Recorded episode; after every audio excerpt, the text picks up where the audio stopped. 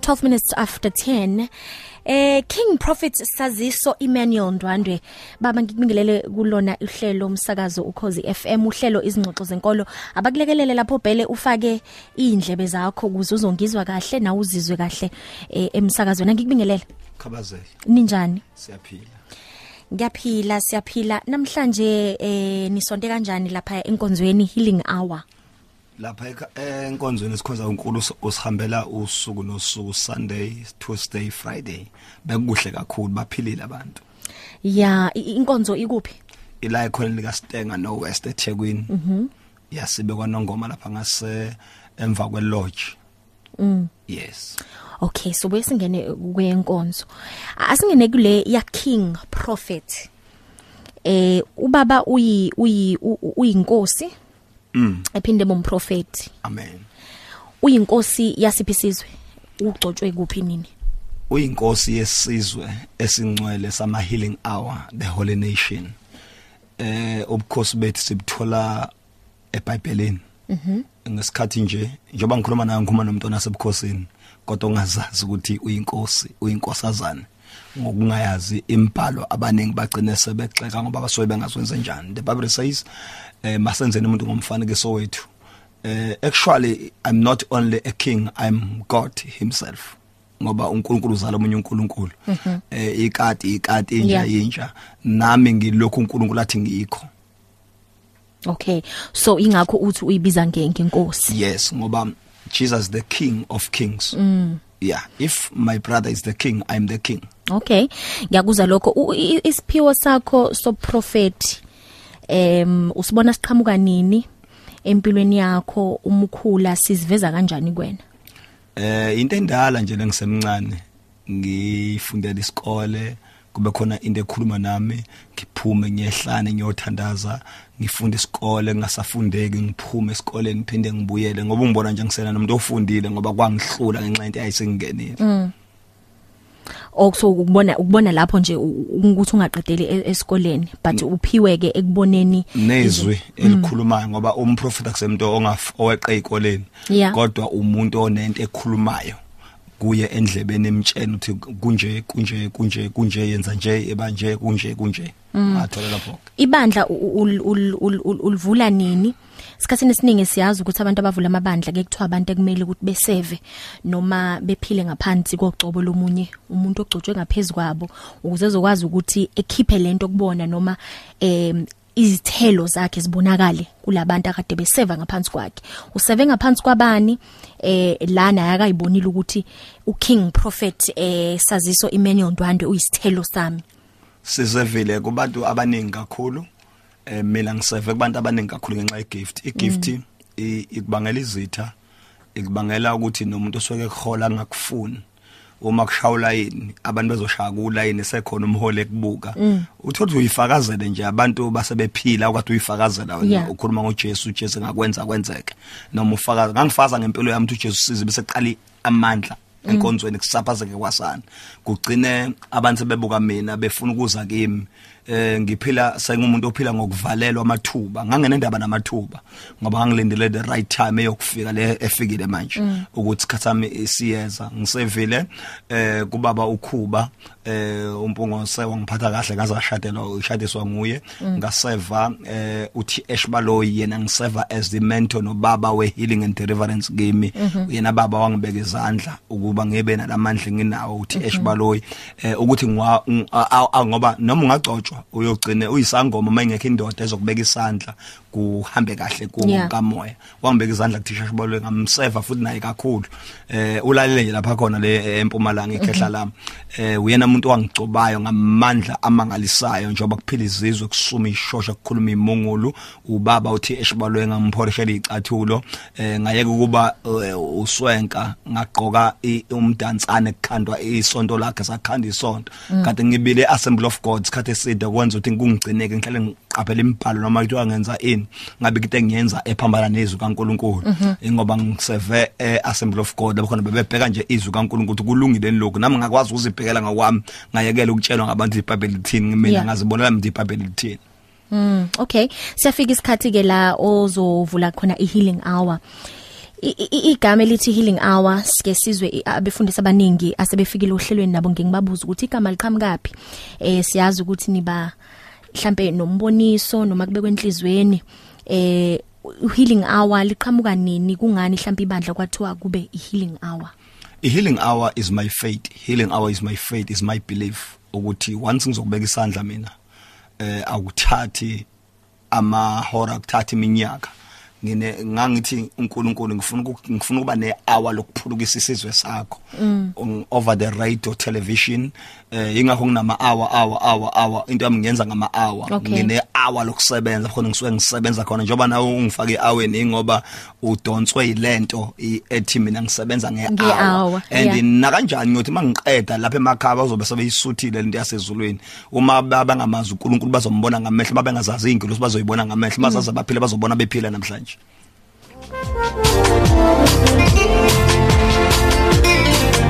Isikhathi se-afrika. Isikhathi se-afrika ukhozi fm luhamba phambili. Isikhathi seAfrika ukhozi FM lihamba phambili. uKing Prophet eh Ndwandwe uthi ke phanje manje ihour lakhe. Yes. eh ngibizwe ilento ngidonswa ilento yakhe yokuthi ubizo lakhe lihambisana nehour. Lapho akwazi ukuthi ephulukise khona abantu lapha akwazi khona ukuthi esebenze khona. Cotshiwe lento mayisho. Eh mprofet wami usindisiwe? Ngingumntwana kaNkulunkulu oxolela izono ngathengwa ngegazi Okay, ngokwazi kwakho umuntu osindisiwe umuntu ophila impilo enjani kanti osuke amkele eh ugcobo olunjani. inhle impilo yomuntu osindisiwe ngoba insindiso into yomusa oyithola free ngazange uyisebenzele is a free thing engafuni emsebenzi ngoba mase uyifuna ama qualification obungcwele uzofeyila ngoba akekho noyedwa umuntu ongcwele emhlabeni. Salvation into eyenziwa uJesu yenza kumuntu noma kuthiwa unjani. Umuntu ke simlindele osindisiwe umuntu ophila impilo engcwele ayiphilela uJesu okuye. Yena ezama ukuphila lempilo engcwele kuthiwa ayiphile kodwa ehlulana usuku nosuku. Mm, okay.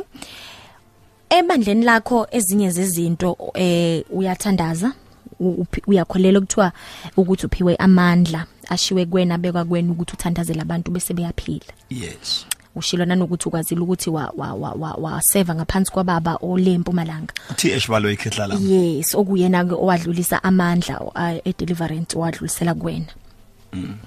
Ngiyazi ukuthi uyadayisa amatshe, amanzi kanye neoyela. Yes asikubizi ngokudayisa. Sithi abantu bayanikela.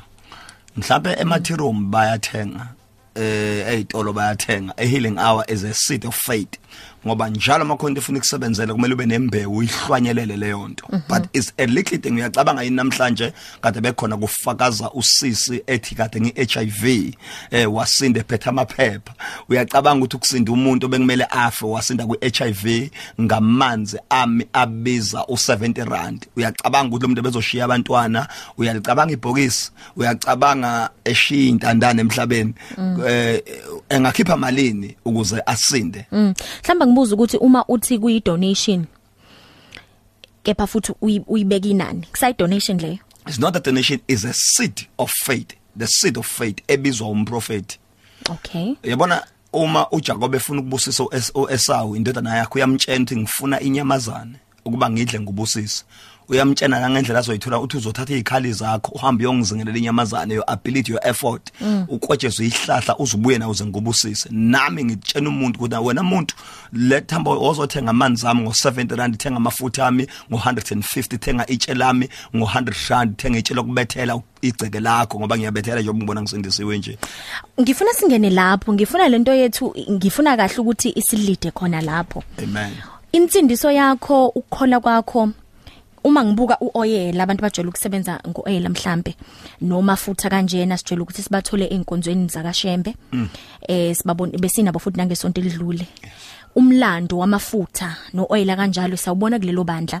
Umlando wamanzi namandla amanzi sawubona futhi eyonini Sure. esikhathini esiningi. Uthi usindisiwe kepha futhi mhlambe ukusindiswa kwakho noma ukukholwa kwakho kuyahamba ku- ku- ku- ku- kuncike kulamabandla noma uzalile kuona lamabandla waseke u usindiswa wagcina nawe ususebenzisa lezi zinto. Nejela siyalibona uyasho no- no- noNkulunkulu ukuthi eh impela indle yakhe yokwakhelwa phezulu kwesekelo leje angazi mhlambe kuqhamuka phi revelation yakho yokusebenzisa lezi zinto nokuthemba lezi zinto noma eh, eh, ufuna thina sithembe lezi zinto ukuze sothola ukuphulekisa okhuluma ngako kusuka phi Eh sizoqala la sithi siyambonga uNkulunkulu ukuthi into yasendlini ibuyele endlini.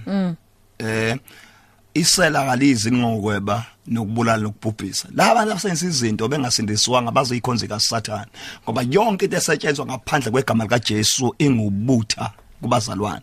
Into eyenza into yamafutha ethibe namandla un- the first user yamafutha uJesu Kristu. Eh uNkulunkulu uqobo lwakhe ezogcoba uDavid wamgcoba ngamafutha. Eh kwazoba uJesu eh nabafundi bakhe. Mawufunda uchapter eh, uchapter 6 verse 13 kuMark lisitshela ukuthi iBhayibheli ba- wabathuma abafundi bakhe bagcoba abaningi ngamafutha babaphulukisa. Shuthi amafutha ebekhona kweministry kaJesu Kristu yabona nangumfowabo kaJesu uJakobe the brother of Jesus Christ ku chapter eh u- u- u- chapter 5 verse 17 usitshela ukuthi eh ukhona inogulama akabiza amalungu ebandla kasitsheni khona izayona kasitsheni khona abakwashembe uthi ukhona inogulayo mangabize amalungu ebandla amkhulekele amgcobe ngamafutha egameni lenkosi amanzi sikhuluma ngako chapter 5 John nangu Jesu eh, efike ezosindisa umuntu oyedwa abashiya bonke laba abanye Li- iBhayibheli sitshena ukuthi bekwehla ingilosi alishi bekwehla usibani bana benje bekwehla alishi bekwehla utikolosha angene emanzini lithi bekwehla ingilosi izama zamanzi umuntu angena asinde ngenxa yengilosi kusho ukuthi amanzi akusiwona wasezayoni akusiwona akwashem akusiwona abathandazi into yesiya yakwi-salvation and ngiyakhala ngiyalila kubantu abasebenza abantu ngendlela yabo nangengqondo yabo bethi babambe ibhayibheli and bagejile bonke abangasebenzisi lutho bageje kakhulu Mm. Mhlambe mhlamba ngibuze ukuthi konke nama scriptures o- o- o- okhuluma ngawo othi inkonzo yakhe isekelwe yiwona. Sibona ukuthi ama scriptures ngesikhathi u- uJesu engaka engakashiyi, engakahlatshelwe, engakabo umhlabelo Yes. eh okuwona wokugcina. Uzuyasho na ukuthi anisoze niphinde nihlabe Yes. eh ilwane kuze nizothola amafutha mhlambe eh ukuze nizosindiseka enikudingayo nje igama lami kuphela ukuba nithandaze kuba nibize i- igama lami elithi Jesu bese mina ngiyohamba ke ngikhulume noma nginikhulumele kubaba. Mhlambe kuwena njengomuntu osindisiwe kungani ungathembeli kwigama kuphela? Ubona nesidingo sokuthi still usebenzisa amanzi eh namafutha mhlambe omunye uzothi okuseku outdated ongasasebenzi. Ngoba phela ukhona owahlatsha wahlatshelwa ukuthi lezi zinto singabe lo othi akusasebenze befuna ukuthathwa a- a- afakwe umlilo anqunywe ekhanda because udukisa abantu. iBhayibheli sitshela ukuthi ukhona enogulayo incwadi kaJames le uJesu esafa kudala wavuka wayezulwini. Ukhona enogulayo makabiza amalungu ebandla amkhulekele ne? A- a- a- lento yamafutha akusiyona into endala akusiyona ipast yes? Yinto eh eh, eh, eh, eh, ekuthiwa i- i- i- iyaqhubeka into eyenzekayo futhi eqhubekayo ukukhulekela abantu ngamafutha Yeah. nangamanzi. Okunye ke iBhayibheli sitshela ukuthi thina siyokwenza izinto uJesu angazenzanga. Uma ngikhathi umuntu ebona ukuthi asisenze lokho kusembhalweni akabokwazi esenza lokhu uJesu athe siyokwenza okwedlula lokhu yena akwenzayo. Safuna ukuyodayisa eh uvula manje umsakazo wakhe ngikubingelele 25 minutes after 10 ngihamba no King Prophet Saziso Emmanuel Ndwandwe oqhamuka ebandleni ekuthiwa iHealing Hour.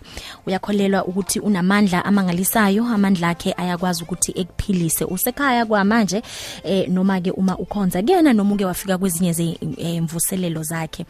Tefika nje la wayengibiza ngenkosazana. Angazi ukuthi wazi kanjani ukuthi ngiyinkosazana kwethu. Sasho nje umsindazi ukuthi oh, amagugu ambiwa phansi konke kutholakala eAfrika. Kanti ke namatshe namanzi noyela kuyatholakala lapha eHealing Hour eh esontweni. Angene kule yamatshe mhlambe eh nanokuthi uthi ubabuya bethela eh izinto ezihambisana nobethela nohlola nobani bani izinto esijwayele ukuthi ezihambisana nezinto esazi ukuthi kushayisana ne- nensindiso. Mhlambe wenza kanjani ubaba uthe bomprofeti usindisiwe? Eh kodwa futhi uyabethela. Ngicabanga ukuthi nalegama lithi umprofeti abalali bayalazi. Umprofeti umuntu ocommunicate noNkulunkulu athathe indaba uNkulunkulu ayilethe kubantu uNkulunkulu amnikeza isixazululo ukuthi lento yabantu izosolveka kanjani. Wangitshena ngatshena ukuthi abathakathi abalala ebusuku befaka izinto ngaphansi. Nanokuthi abathakathi bacommunicate nomhlabathi mabezoloya umuntu obomuntu ngumhlabathi ngatshena ukuthi angifaka izinto emhlabathini ezovimba izinto ezizofakwa emhlabathini uzoyicommunicate nabantu. Ngakho amatshama efika emhlabathini wakho avikela izinto abazoyifaka. Umthakathi uthi efaka into zakhe o- im- angithi aba- amathakathi bane revelation bayazi ukuthi umuntu makagcoba umhlabathi noma engasawugxobanga elele nje endlini bagqiba ibhodlela ekseni ingenele umuthi na kanjani ashawe istroke umuntu noma ashawe inyoni afe same time. Eh nami nganika se revelation ukuthi if ngaplanta something enhlabathini na kanjani ingakho nje hawu kade belethe amabhodlela ayiphumele wona emakhaya ngingekho mina Mm. Mhlamba ngibuza akukuthusi lokho njengomuntu osindisiwe okholelwa kuJesu okholelwa e- e- egameni kuyilona e- e- e- e- e- elihlula wonke amanye amagama ukuthi uma abantu baqoqozela ukuthi eh, besebenzisa amatshe amanzi oil nani nani bazogcina bethathe u- ukholo labo ukuthemba kwabo bakubeka kulezi zinto kunoma bekubeke eh, kuyena uJesu kakade nje un- uNkulunkulu uqobo lwakhe ethi uNkulunkulu akamkhulu noJesu uJesu akamkhulu noNkulunkulu Jesus is the son of God. Njalo nje. Jesus God is the father. uNkulunkulu njengoba ngamthusanga yena uNkulunkulu uNkulunkulu akathuka ngamhla etshena uMose uphethe nesandleni sakhe wathi ngiphethe induku. Wathi yona leyo nduku yokugelela imihlolo akathuka ngayena uNkulunkulu. Mayezothi kuMose Mose njengoba bomile hamba yetsheni ufuku lifaka induku. A- njengoba uNkulunkulu waba khona ukuthi acommunicate ngazo kubantu esiza abantu. uNkulunkulu akathuka namhla ku- ezofida uEliya nge- ngegwababa. Kusho ukuthi uEliya wayezobamba igwababa likhonze na? A- a- a- a- akathukanga. Yonke into esiyenzayo ngizothandazela into yami ukuthi egameni lika Jesu sebeyazi ukuthi amandla engiwasebenzisile akaJesu. Mhlambe mhlambe ezwini ukhona la okuthatha khona ukuthi kumele lezi zinto kuzidayise. Uyakholwa ukuthi uNkulunkulu ukuphiwe ukuphile isiphiwo sokuthi lokho kubusisayo umuntu wakusebenzisa kuzomsebenzela. Ngoba uNkulunkulu ukuphileke eh, lesiphiwo sakho kungani ukhetha ukuthi ubeke inani kona ungathi ngoba ngiphiwe lamandla engazange nami ngiwasebenzele angeke ngivele ngiphisane eh ngawo lamandla nalolu lwazi ukuze abantu bezolapheka ukuze abantu bezophila impilo engcono kungani u- u- ukhetha ukubeka inani kulezi zinto? Yazi ngiyithanda kabi lo mbuzo wakho muhle kakhulu. Ngingazama ukubapha bonke nginje ngibapha amafutha Yeah. for example. Kaze ngizo mina mangiwafuna lamafutha ngizowathola mahala noma ngizothola idonation uthona kamafutha mahala ke banikeza abantu mhlawumbe ioffice njengoba mina ngisebenzela phansi kweyihlahla ngisebenzele officeini cishe indawo yami ikhokha 28000 engikhonza ibandla engikhonza kulo. Eh ngikuma TV ngisema radio engikhokha imali eza 180000 ngenyanga. Mhlawumbe mangathola idonation enjalo nami ngizoba donate abantu ayangisiza mina ngazibonela ukuthi ngoba isikhiphuko senginaso ngoba angiqala ukugcotshwa ngigcotshwe ngo99 ukubona ugcobo ngahlupheka until 2016 until ngidecide ukuthi le gift yami ayingenze phela ngikwazi ukuqhubeka ngiye kwezinye indawo ngoba ngeke ngikwazi nokudrive imoto ka petrol ngo- ngizohambe ngicela uzuka laba abantu eh, engibakhonza bacebe ngibona beJesu amakasebenzi njengoba uNkulunkulu engiyekise isikole shuthi uyangi-owisha mina ngizofuna ukuphila ngale gift yami engiyitholile ngoba eh lithi iBhayibheli isipho somuntu siyakumvulela indawo yabakho yomenza ihlale namakhosi. Yeah, injalo. njengamanje ngihlezi nawo amakhosi oba ngiyayidrive imoto ezintsha amakhosi angenazo amanye azo mina ngiyayidrive. Eh uNkulunkulu ngibusisile ngalokho ngesiphiwo kusho ukuthi ngikwazela ukusebenzisa ingqondo ngoba kunabantu abanecala lokucabanga abaze befe befela ukuthi abacabanganga nabantu abangasangisebenzisa ingqondo yabo kahle ukuba ibaphilise okay u- uthini? Mhlambe kulomuntu othi izwi lithi siyobabona ngezithelo hayi ngezenzo. Ho phela into yakhona phela. Masikhuma ngeyithelwane bafika siyisumi siyishosha isukume mayithi ngeyithelo iyithela ngithi is the life ne?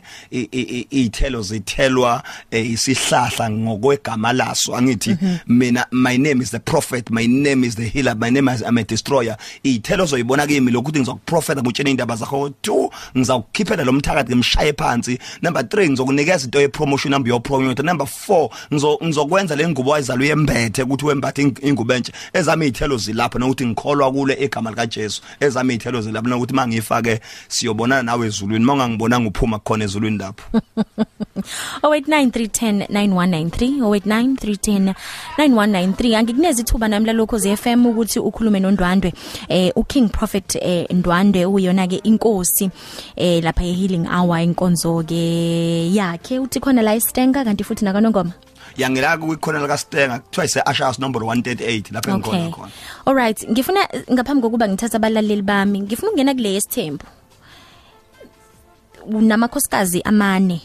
usindisiwe abantu abaningi ab- abasindisiwe asibeke kamnandi le angabi namakhosi zamane ne Ngine- Ne- ngine- nginamakhosi amabili ashadile Okay. bese ngiba nezintombi hayi ezine ezininganyana nje kezona yar Okay. Eyizogcina singabafazi ezinye izogcina ngesibona abafazi oba ngikhetha kuzo zona lezi enginazo. Okay umuntu um, umuntu osindisiwe olalele njengamanje uyathuka mhlambe ekhaya uyibuza ukuthi indoda enjani ethi yasithuswa yini isindisiwe? yasithuswa yini? Mhm. Thuswa ukuthi uphila impilo yamanga unamanga. Lithini iqiniso o- wena okholelwa kulona eli- elikuvumelayo ukuthi ube nabafazi ababili uphinde futhi ube nezintombi eziningana? Iqiniso lithi mina njengondwandwe Yeah. i don't to live a lie i don't want to lie emhlabeni. Futhi angiwaphila manga eyami impilo ithi mangibona intombi enhle njengoba ngibuka nje umuhle nje unomfundo ngiyabuka yazi ayinhlingane yabantu. Ya- phela ngiyindoda yomzulu mina ngisiyena umlungu. Ngiyindoda yomzulu esindisiwe engumntwana kaNkuluNkulu kodwa enamehlo nemizwa ngina yonke into ephilayo la emzimbeni. Yeah. enye ngiyayicontrol enye ngiyicontrol. Kuya ngambona ukuthi ala Jesus mayibonga inkosi ngeke bomfazi lo. Nanokuthi ke mina ngizikhethele ukuba nabafazi angikhethelanga uNkulunkulu angikhethelwa ngeBhayibheli futhi angibuki kuSolomon angibuki nakuDavid kuba nabafazi ngikubuka kimi. It's Mm, my imali. life. Manje kwenzeka kanjani ke mprofeti ukuthi ukwazi ukuthatha isinqumo esingaka sokuthi ube nomfazi noma abafazi ungazange uthandaze uguqe phansi ngedolo? Sithemba sikholela ukuthi noma abaningi abasindiswe bakholele ekutheni uNkulunkulu o- obalethela umfazi. Bayaganga lapho. uNkulunkulu uyamupha umuntu umfazi ne? Kodwa mina nginamehlo ukubuka umfazi wami. uNkulunkulu awuboni ukuthi uNkulunkulu kumele kubizele umuntu obizele kuwe Ba- oqhamuka kuyena ozokulekelela ukuthi wakhe eh lokhu uNkulunkulu akakubi- a- a- akakuthembe a- a- a- akuthembe ngakho. Abanye ababhaliwe la emaphunzini. Vela akabhaliwe kodwa Ukuthi phela uyeke lo okhethiwe angithi lo. uman of god wena uzobopha ibhande mawubopha ibhande siya niyasakholela ukuthi uman of god ba- bayaboniswa ngeindlela thina singaboniswa ngazo. Bebonisa ukuthi nangumfazi ozobizelwa wena. Zishimane ke lezi insizwa nje yomzulu ayiboniswa iyakhuzela nje kahle entombini intombi iziprove ngama qualities athizeni insizwa insizwa insizwa esindisiwe yona? Eyomzulu esindisiwe esindisiwe esindisiwe ngesiyona umjuda. Yakhuzela nje lesindisiwe lele lesindisiwe impilo yabo yamanga bajole makhonini balalane bakhipha izisu bazoshaya ama chorus baqamba amanga bethi basindisiwe ngamanga. Mina ngisindisiwe ngoba insindisa kusona yami kaJesu. Kodwa intombi mangiyibona ukuze ibe umfazi wami ngiyayikhuzela bese ngibuka ama quality engiwafunayo emfazini ndawo engaba ke umfazi usibani bani? Nansi impilo lengiyifunayo kwandwando okay le- lezi eziyintombi ezisakhona eh umuphi umthetho noma umgomo ophila ngaphansi kwawo okuvumelayo ukuthi ukwazi ukuthi ube nezintombi ubushadile umgomo wakwandwanda kasazi. Mina ngikholwa ukuthi lelizwe ngelinikeza ukuthi ngizobusa kulo. Angizange ngizobuswa enye into ngaphandle kaNkuluNkulu kuphela. Uma uNkulunkulu wami engakasho lutho ngabafazi nangeintombi nama nginayo inkinga ngezintombi antila zasho futhi ke mangithi ngibheka amadoda ayihamba noNkulunkulu wonke ayinezancinza ayinezintombi kwaku right kakhulu sho kwakubahambela kahle.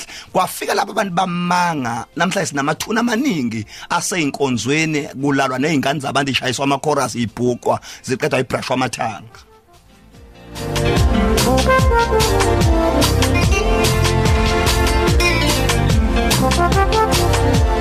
isikhathi se-afrika isikhathi se-afrika ukhozi fm luhamba phambili.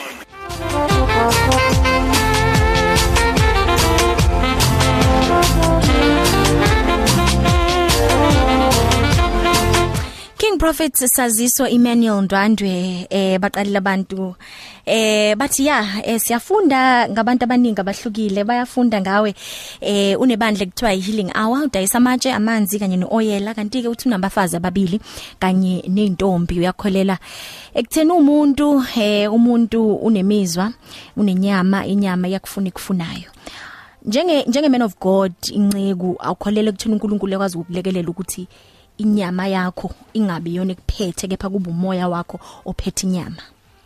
Ngiyakholelwa ukuthi uNkulunkulu uyiphethe inyama futhi uyayicontrol umoya wenza yonke into ayithandayo. Kodwa ngiyakholelwa futhi nokuthi uNkulunkulu unginikeze right yokuphila ngendlela engiyifuna kodwa ngiphila egameni lakhe as long ngakayi kwabanye uNkulunkulu uma nje ngizophila into impilo emengiyifuna njengoba noDavid ayinabafazi bakhe noSolomon nabafazi bakhe ngiyabelieve nami ukuthi njengondwanda ngizoba nabafazi bami ngesibalo esithandwa yimi ayi esithandwa omunye umuntu ayi futhi ngisinqunyelwa umfazi ayi futhi ngisinqunyelwa ubukhosi engisinqunyelwa yimi ukuthi mina ngithanda ngiafford abafazi abanje. Ngoba phela labafazi bafuna imali kusho ukuthi umuntu ongenayo imali ngiyabafuna abafazi ngoba umfazi lo uyondliwa.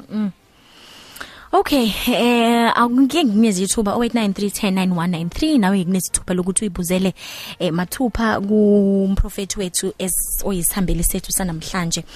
Eh, Angeke ngibuze nje mhlambe aba abakhonza enkonzweni yakho kakhulukazi abantu abasha sinenkinga yabantu abasha njengamanje sithi eh ko brother kanje bafika bengene ko sister bedlule. Ebandleni lakho ithini intshumayelo yakho ngokwakha ikhaya eh lokomoya hey akudlalo lapha ya lapha engikhonza khona. Kuqhumisa gila kuqhuma imvubu. Uma nje ngiyakubamba ukuthi uyajola. Why? Ngeke kusuke lo mfana engihamba naye ethi usebone umfazi akakabunayi under yena. Usene under 1 2 akanamasuku 2 wondliwa 3 wondliwa yimi. U- u- uphethwe yimi la ngaphakathi mina ngiyazi ukuthi akaqualify ukuthi abe nentombi abe nomfazi. Elami isonto lithi intombazane esindisiweyo ayihamba igila imkhuba akahamba igila yenza izinto engasile nomfana until kube umuntu omuse emshadweni lezi laba kodwa bayintombi zakho? Laba bayakhona phela labo onqo lapha. Oh ba- basendleleni. Laba bayoshada laba geje laba laba bayaphakathi lapho. Yeah okay. Asike siza ukuthi uthini ekhaya. Usemoyeni sawubona. Ukhozi ukhozi Mfundo yebo siyabhubha mfowethu inkinga yakho konke lokhu imali sesibongile. okay eh asidluleni phambili ukhozi sawubona Njani? ngiyaphila mfowethu wena Ngiyaphila. Hayi ke mina ngithatha iqiniso elikhona ubaba nje. Iyangijabulisa. yeah Uneqiniso uyakhombisa ngempela ukuthi umuntu esindisiwe. Ngiyabonga umthayi hlobo. Okay asidluleni siye komunye. Ukhozi sawubona? Eh nomfundo mfowethu. Kunjani mphilile wena? Sikhona hayi ukhuluma noSiphamandla ndinga la impokosi hayi ngiyayizwa loo ndoda. Kodwa manje into engithanda yona ilibeke iqiniso njengoba linjalo. Mhm. Ahlamba kukuthusa ukuthi eh yize beka iqiniso uthi uthi uphathisiwe ukuthi ehola abantu kodwa futhi ngala wenza izinto ezingajwayelekile nensindiso. Kansoke nami la ngingaze khona la mayethu nezancinze engake lokho manje nami kungilokhu kodwa manje akafihli kakhuluma ukubeka nje njengoba kunjani Mm. Okay, eh asiloleni komunye. Cause sawubona. Lo, Yebo mfowethu. Yebo njani? Siphilile wena? Siyaphila.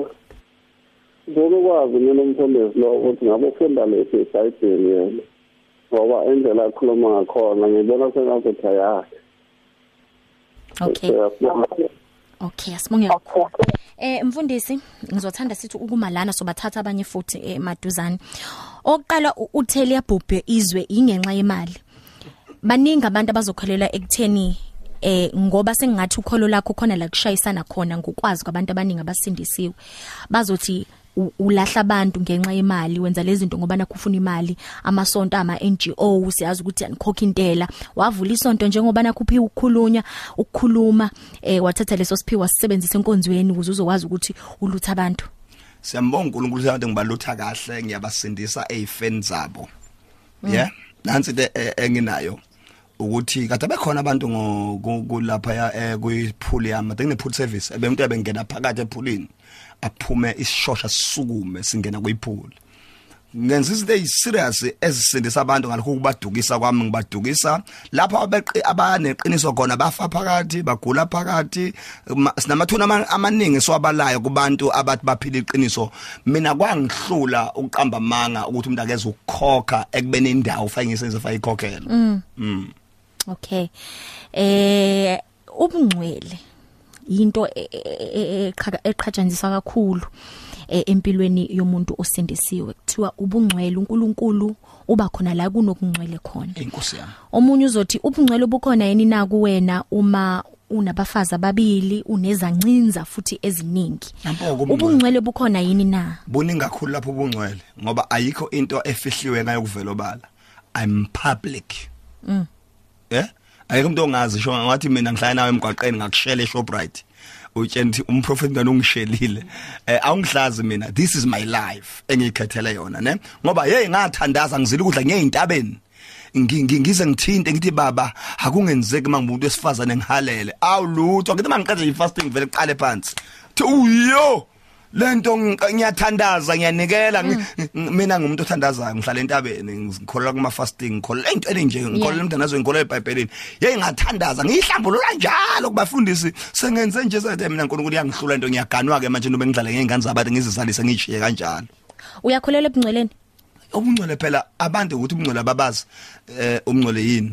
Angithi yazi ubungcwele busho ukuthini awusichazele. Ubungcwele buthi okushuziwe the allocation allocated. The chosen thing into ekhethiwe ibona bungcwele lobo. Masikhomba ngumngcwele lithi iBhayibheli akekho olungileyo akekho o- o- onoyedwa. Nothi akana sono uyazikhohlisa ngithi yabona lithi kodwa masizivuma izono zethu uthembekile kuba asithethelele asixolele. Ubungcwele ukuphila impilo yokuzihlambulula nokuzazi ukuthi uyisoni nokuwazi ukuthi wena i- u- ukhethelwe egameni lika Jesu nokuvuma ukuthengwa uJesu kwelakhe igazi. Ngoba mabethi abantu un- ba- bathi bona bangcwele basho banamanga bathi bangcwele bayahleba ngoba abanye bazothi nginezona eziningi ngoba nginabafazi. Ah, uyiyekile lezi zakhe zokuthanda indaba zabantu. Wayekele lezi zakhe indaba lezi zokubhema isinemfu wayekele lezi zakhe indaba lezi zokuthi uxova ibandla ngolimi wayekele lezi indaba zakhe ukuthi uma ukamisa itende emisela nje imali. Mina ak- mangifika etendeni ngifike nginikele i believe ekunikeleni ngiye nganje kwelinye ibandla lakho kudlula fika share 10000 ngizonikela ngibapha nje ngizonikela because i believe eh, kuyonke imigomo yeBhayibheli.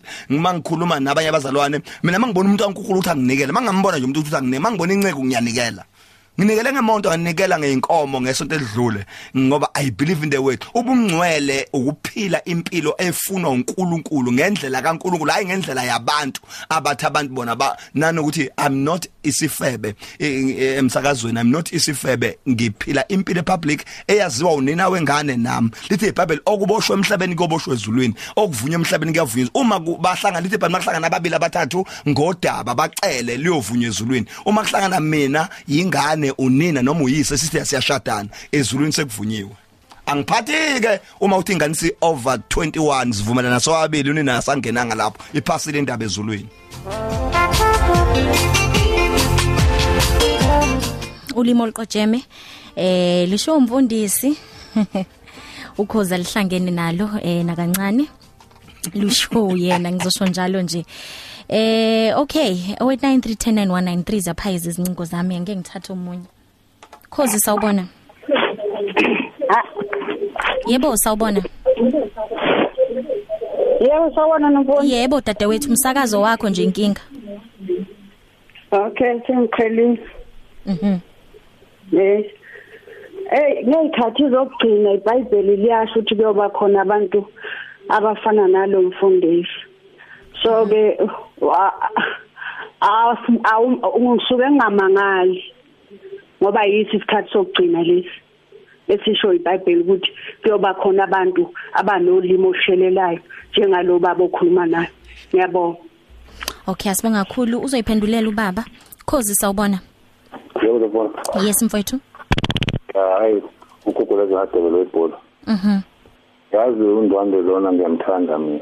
Yeah ngoba umile eqinisweni novundo uyabona le gama lisho vele emsazweni alu- alivumelekile kodwa ke ebhayibhelini libhaliwe ma futhi libhala kuphinda phinda eh abantu abantu basindisiwe bahamba inyanga bahamba bathandana ngomnyama kuphilwa amanga mfowethu.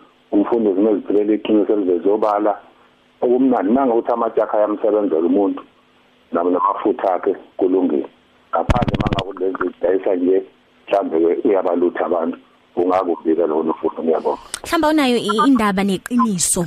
Uyakholelwa ekutheni into ayishoyo ukhuluma iqiniso? Yebo. Ngekwazi ukuveza nje ukuthi namakhosikazi amabili unentombi alikho iqiniso elidlula lelo kunomuntu ojole emakhoneni yabe nonkosikazi kodwa futhi ebenentombi ezifihliwe eceleni. Ngiyabonga nokundi sibonge mfowethu asidluleni eh siye komunye. Ukhozi?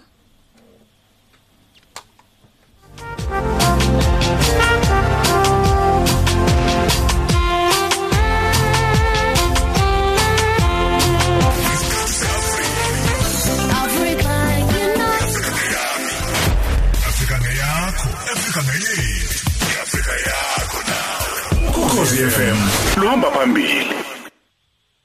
Uhlelo nomfundo mkhize Uhlelo nomfundo mkhize Ukhozi FM Uhleli nami ke nangempela naye ke uKing Prophet Saziso Emmanuel Ndwandwe.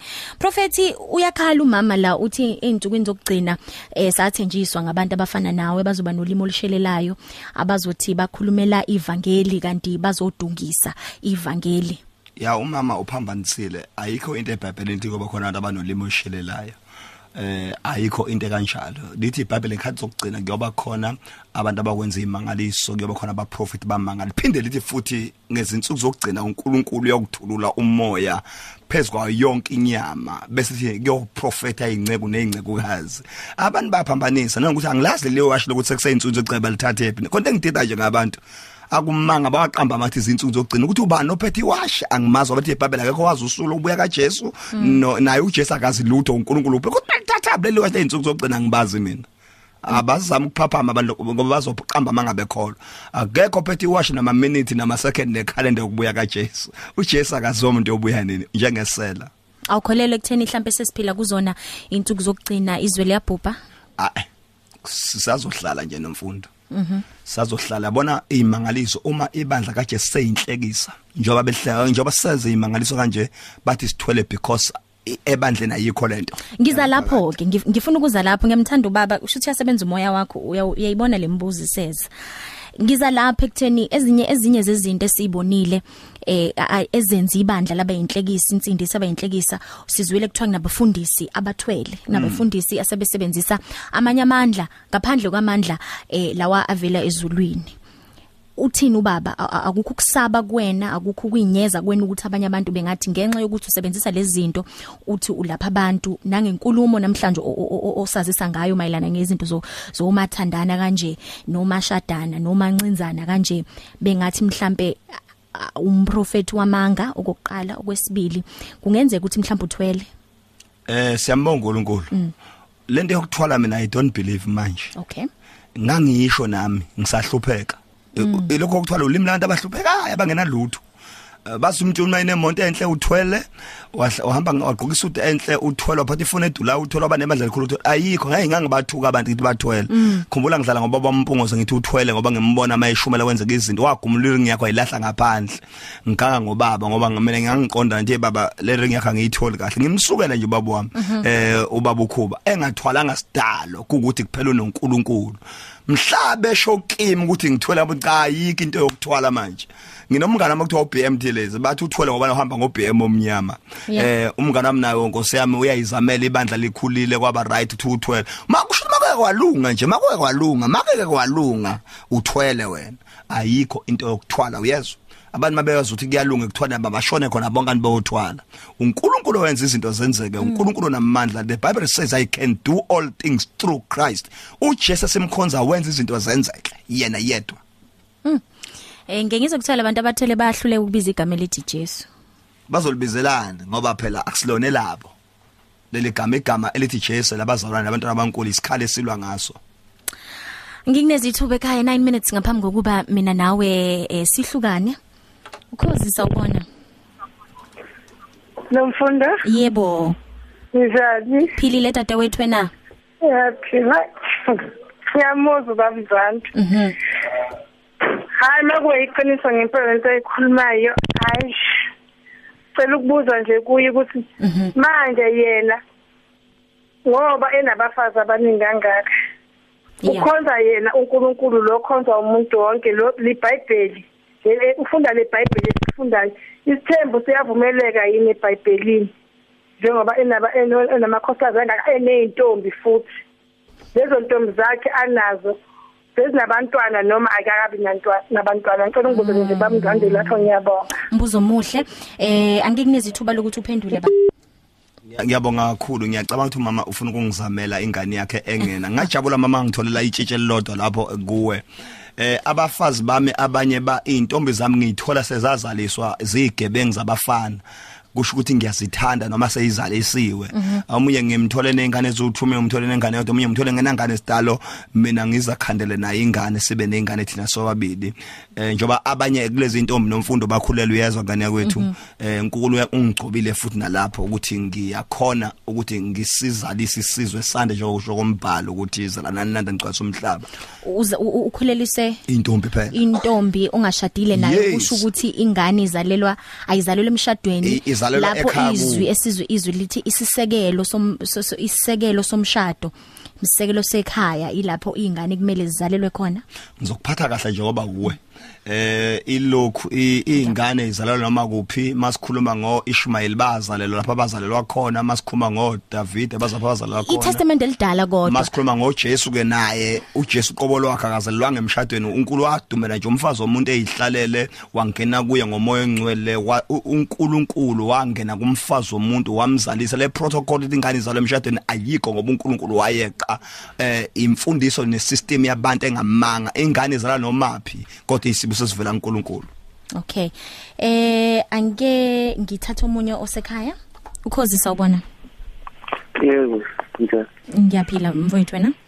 Saphila na hey ngiyayicala ukuyizwa le nto lokuthi khona abafundisi abanje mhm. Hayi kushuthi ngempela kunzima nami oba ngisho ukuthi ngiyaqala la futhi ukufunda nje emhlabeni. Ngohleze sifunda njalo. Mhm. Kodwa nje eyi. Umfowethu usindisiwe yena mhlambe noma uyakholwa? Mm. hayi mina ngiyakholwa nje angifundisile. Mhm. Ekukholeni kwakho mhlambe ubaba uyagqugquzela ukuthi ukholwe kakhulu noma kunokuthusa kunokuthuka phakathi. ngiyathuka mfowethu ngempela. Ngoba u- ushinga ushingane kube nesibonelo kuba izwa- izalwaphi izalwa kanjani abekugcineni kuyophenduka ngempela kukhona kuthiwa abantu baphenduka baze babizwe nangamaphara igama elimbi lelo kumuntu emhlabeni zeli ngoba basuke sebangasazi ukuthi bazokwenza njani Mm.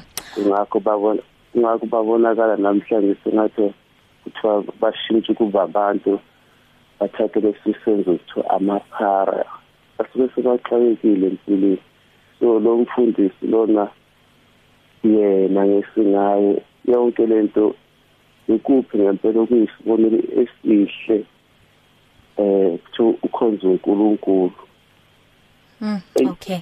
inzima nje nami ngiyaxoleka ukuthi ngizothini kodwa ngithi mina naye lo mfundisi usadinga naye ukuthi azalwe kabusha Mm. Okay. Eh kusadinga ukuthi uzalwe kabusha mfundisi. manje kusho umuntu ongakazalwa yena kabusha ukhuluma ngento yangaphakathi engaphandle Uku- ungasho nje nakolotshwe ungazange ungene nje bona ingcolile Mfundisi uma lithi izwi ungaphingi lokho mhlambe wena kufike kuthole iphi indawo. yo this thing is powerful ne? Ungaphingi U- u- ukuphinga fa abacabanga ukuthi kuyini? Ukuphinga insizwa eyodumela umfazi womuntu oganile uyaphinga lo ne? Nomuntu oganwa umuntu olahliwe ukuthi ngathi umuntu edivozile bese wena uyomdumela eh uyaphinga lapho kodwa uma insizwa yakwandwanda iqonda intombi yakhona izothi gegela gegela intombi ziyangigegela khonto umqondo zikhona eh nonga no no no no nongena mali uyangena athenge no no no no no no manje uyangena emarket ne nongena nongena mali wenza njani wenza njani U- insizwa yakwabo izomthatha imlobole bezogcinana akusikhona ukuphinga lokho ukuphinga ukudlala ngemizwa yomuntu ugange ngayo bese kuthi lo mfolo okhuma ngezingane ezami ingane ayihlupheke ne? Ezami ingane ayinayo inkinga yokuhlupheka ayi- anginawo amaphara mina. Ezami ingane ayihlala nami. Anginayo inganethi ikhulula konina ayikho kimi. Ingane zami zonke nginazo ingane cishe zi nginokholwane nonqobani nginocebo nginosibu nginoprince eh bese uba nginomfana wami okuthiwa ubani lona ukuthi nikubiza ngobani lokhu? Nkosenhle. Kunesebebaningi labantwana Mfundisi kungena umbuzo la uqhamuka kumam Imogene usonta lapha eHouse of Christ. Eh uza uquote izwi ngizocela ukuthi ngikufundele eh gcineni uzoyiphendulela. Lithi lelizwi ulithatha kugele eh, baseGalatia 5:19 to 21. Kepha imisebenzi yenyama isobala engukuthi ubufebe nokungcola namanyala nokukhonza izithombe nokuthakatha nobutha nokulwa nomona noku nokuthukuthela nokubanga eh nokwalana nokwahlukana nomhawu noku- nokudakwa nokuxokozela kanjalo eh bese ithi eh ngizonitshela ngalokhu ukuthi njengoba senganitshela ukuthi abenza okunje abayi kulidla ifa lombuso kaNkuluNkulu kusho iBhayibheli njalo kulela gama engilibizile Yeah. funda phansi njengoba kunjalo.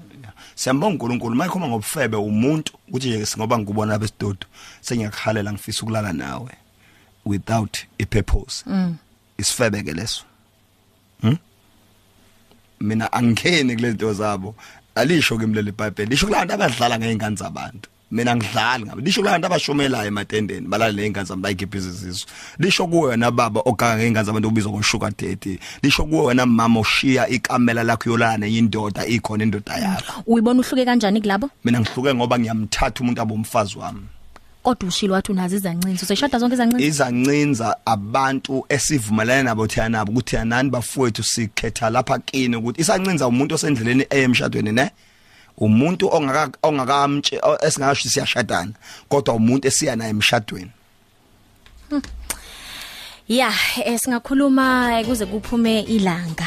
Eh umprofeti uimele inkolo akakholelwa kuyona nani balaleli eh lokho nibhalile lapha ku Twitter @noma mkhize 1 _fm. Ngizothatha nje ukugcina ekhaya ngizwe ukuthi yena mhlambe ngase ethini kwena. Khozi sawubona. Sesinasana njani? Ngiyaphila mfowethu wena? Ngiyaphila khuluma nomlungi Gcabela kwangaba yena emsinga. Yes. Eh ngixwayisa nje umhlaba wonke ukuthi abantu bayalazi iqiniso. Izwi lenkosi lithi nakulazi iqiniso futhi neqiniso liyakunikhulula. Ngakho ke wonke umuntu oyimisele ngokuthanda uNkulunkulu nokuba umlandeli kaJesu uyalazi iqiniso lalele khona. Eh kuyocaca mhla sifike ekhaya. Yonke imisebenzi yomkhulu. Eh ngiyabonga kakhulu. Sibonge kakhulu kwena mfowethu. Eh nabo bonke abashayele incingo. Umfundisi uPhakizi eh unebandla khona lapha eMaritzburg uthi abaseKorinthe 1:612 babhalile bathi konke kuvunyelwe kimi kepha akusizi konke. yeah wakhuluma mnandi uPaul wayesho kuye hayi kimi kimina kuvunyile kuyasiza kimi lokho engikukhethe. Kanjani sibe siyingane e- e- e- ezikhonzwa u- u- uJesu noma uNkulunkulu ofanayo? noma mina ngikhonzeni uPaul uPaul phela kwawumuntu ofana nawe wayekhuluma nawe umqondo wakhe ngendlela yakhe. uPaul wayengesiyena uNkulunkulu uPaul wayengesiyona iBhayibheli qobolwalo into ayekhuluma nje bahlale beshumela abantu einkonzo yoba nami ngikhuluma nje ungabhalwa into engiyikhuluma yoba umlando ngoba this life isenkonzweni nami siyayiphila lento le. Ikhona iyobhalwa nalami iBhayibheli kuyoba right. Okay. Eh singena kalapho sisiqeda lapho ke ingxoxo yethu namhlanje 11 minutes eh ebusuku. Ngibuza nje abadinga mhlawumbe ukuxhumana nawe bengathinta kanjani bangathanda ukuthi still nixhumane kule ngxoxo eh bekwazi bekwazi ukuthi be- bekuthinte after leli hour seliphelile ihour lakho. ya asibonga kakhulu okokuqala angibatshela ukuthi ngolesihlanu lolu sinenkonzo ebusuku lapha ikhona lika Stega no West abangilethela abagula abana abanenkinga ngolesibili ekseni sinenkonzo futhi khona ikhona lika Stega no West number 2 nansi inamba bazongithinta kuyo ka abantu bakaNkuluNkulu u031 82 52 008 031 82 52 00 I I mean ngicela ukusho kahle 031 82 52 880 bese uba inamba ye cellphone u060 60 6 7521 060 60 67521 ngiyeza nangakini uzowabona amandla kaNkuluNkulu lo omphikayo ngoba nakho uzwe indaba zami ezimbi ocathi izimbi abangaboni bayabona abangahamba bayahamba baningi abakhululiwe. Wozoyitholela into zami usizakale siyabonga.